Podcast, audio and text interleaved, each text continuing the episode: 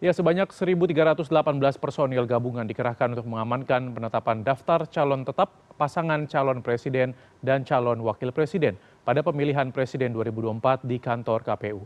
Saat ini kita sudah terhubung dengan koresponden CNN Indonesia Ausi Riondolu. Selamat siang Rio, silakan dengan laporan Anda. Ya, selamat siang Rizky. Memang 92 hari jelang hari pemilihan umum 2024 pada tanggal 14 Februari mendatang tahun 2024 ini tensi politik kian memanas setelah apa ya, proses yang terjadi di Mahkamah Konstitusi lalu kemudian diikuti dengan putusan MK-MK dan baru saja kemarin uh, dari salah satu ketua umum partai politik yakni dari PDI Perjuangan Megawati Soekarno Putri yang menyerukan kepada masyarakat bahwa ia juga melihat adanya tendensi bahwa Mahkamah Konstitusi apa pun proses yang terjadi di Mahkamah Konstitusi ini diindikasikan terjadi kecurangan uh, dalam proses pemilu 2024 dan ia mengajak masyarakat untuk lebih jeli melihat bagaimana proses yang terjadi jelang Pilpres 2024 yang akan datang. Dan sejak pada hari tadi pagi khususnya pada hari penetapan capres dan juga cawapres yang memang jatuh pada tanggal 13 November 2023 sesuai dengan Undang-Undang Pemilu nomor 7 tahun 2000 2017 yang mana dinyatakan bahwa penetapan capres dan juga cawapres ini memang dilangsungkan ataupun ditetapkan 15 hari jelang masa kampanye yang akan eh, dijalankan pada tanggal 28 November mendatang. Kami sejak pukul uh, sejak datang ke lokasi ini uh, sejak pada pukul 10 pagi waktu Indonesia Barat kami memang merasakan sejumlah tensi politik yang kian memanas baik dari pihak pengamanan kepolisian yang memang sudah berjaga. Tadi Anda sempat sebutkan bahwa ada sekitar 1318 personil aparat keamanan yang gabungan dari TNI dan juga Polri dari Polda Metro Jaya yang sudah berjaga di tempat ini. Saya ingin tunjukkan kepada Anda bagaimana lokasi khususnya di depan gedung KPU Jakarta Pusat. Anda bisa melihat melihat bagaimana sejumlah masa dari uh, yang mengaku bagian dari aliansi penyelamat konstitusi ini menyerukan harapannya terkait dengan apa yang akan dilangsungkan oleh KPU yakni penetapan capres dan juga cawapres. Terlihat di depan layar kaca Anda bagaimana masyarakat berharap bahwa uh, masyarakat menyampaikan kritik terkait dengan aparat yang sudah tidak netral, bagaimana proses pencalonan Gibran yang cacat moral dan etika, lalu kemudian ada juga uh, tulisan bahwa dulu teman sekarang lawan begitu.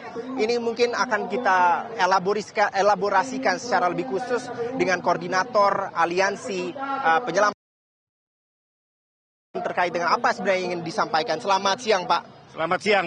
Pak, ini kan kalau kita lihat dari banner-bannernya Gibran cacat moral dan etika, lalu kemudian pecat Anwar Usman penista uh, konstitusi begitu.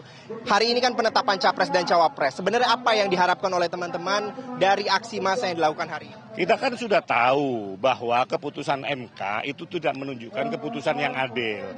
MK terlalu diintervensi oleh pemerintah sehingga meloloskan Gibran padahal sesuai berusia 35 tahun. Cuman direkayasa sedemikian rupa. Konstitusi dipermainkan sehingga Gibran diterima oleh KPU.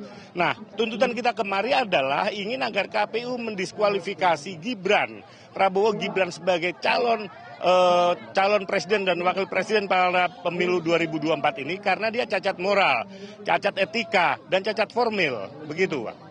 Tapi kan kemudian nanti pukul 3 sore, ini kan kalau kita lihat soal aturannya, ini masa-masa yang sebenarnya sudah lewat setelah kemarin pendaftaran, lalu kemudian lolos, dan hari ini akan ditetapkan capres dan juga cawapres. Jika nanti KPU pada akhirnya memang mengumumkan bahwa salah satu calonnya adalah Prabowo dan Gibran, uh, ini apa yang akan dilakukan oleh teman-teman? Ya tentu Republik ini akan rusak, dirusak oleh mereka, dirusak mereka yang, mencarung, yang mencurangi pemilu secara sistematis. Yang kedua kita akan melaporkan eh, KPU, anggota KPU ke DKPP. Kenapa? Karena mereka menerima pencalonan Gibran sebagai cawapres pada tanggal 19 karena mereka belum punya PKPU-nya. PKPU baru belum ada. Nah, itu kan cacat formil, ya kan? Nah, kemudian mereka kemudian memaksa eh, KPU diterbitkan gitu. Nah, kita akan melaporkan bahwa KPU melakukan kecurangan ke DKPP secara etik. Artinya kalau kemarin KPU sudah sebenarnya merevisi aturan uh, PKPU-nya setelah putusan uh, Mahkamah Konstitusi itu dianggap tidak valid walaupun sebenarnya KPU sudah merevisi aturan. Direvisi kan ketika sebelum uh, setelah pendaftaran. Pada saat pendaftaran Gibran tidak sah itu belum di, di belum direvisi gitu loh. Nah, jadi pada tanggal 19 terakhir, pada tanggal 19 ketika Gibran mencalonkan diri dan di ter, eh, 25 ketika Gibran mencalonkan diri, itu artinya bahwa KPU tahu bahwa belum ada landasan hukumnya, bahwa PKPU-nya belum ada. Kenapa kok diterima? Gitu. Artinya ini kalau misalkan nanti uh, oleh KPU ditetapkan bahwa salah satu pasangan calon adalah Prabowo dan juga Gibran, ini teman-teman dari aliansi akan langsung melapor ke DKPP hari ini atau besok? Rencananya nanti kita akan melaporkan ke DKPP. Yang kedua kita menyerukan kepada pemerintah ya, aparatur negara semuanya untuk bertindak netral dalam proses pemilu 2024 ini.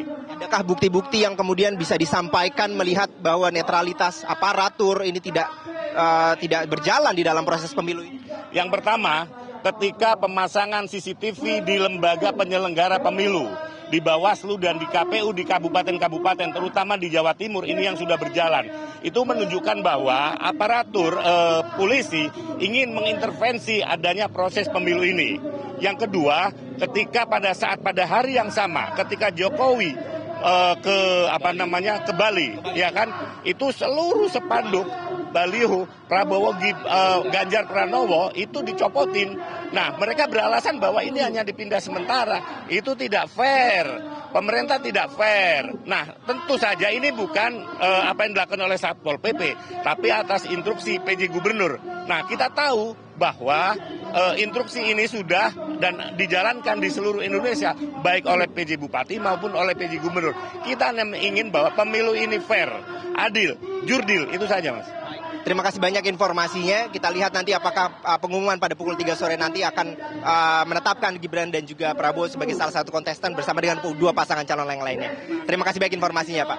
Berikut informasi dari koordinator penyelamat uh, konstitusi yang mengaku bahwa apa yang akan dilakukan oleh pihaknya jika nanti KPU tetap uh, mengumumkan Gibran dan juga Prabowo sebagai salah satu kontestan dalam Pilpres 2024. Ini mereka akan uh, melaporkan komisioner KPU ke DKPP karena pen, uh, proses pencalonan yang dilakukan pada masa pendaftaran ini menggunakan aturan yang lama, bukan aturan yang sudah diperbaharui oleh KPU. Kita nantikan bagaimana dinamika yang akan berlangsung di KPU pada pukul 3 sore nanti begitu karena KPU rencananya akan melakukan rapat pleno terlebih dahulu lalu kemudian akan diumumkan pada pukul 3 sore waktu Indonesia Barat dan tahapan selanjutnya adalah uh, masa kampanye akan diawali pada tanggal 28 November hingga 10 Februari yang akan datang jelang hari masa pencoblosan pada 14 Februari 2024 yang akan datang. Rizky.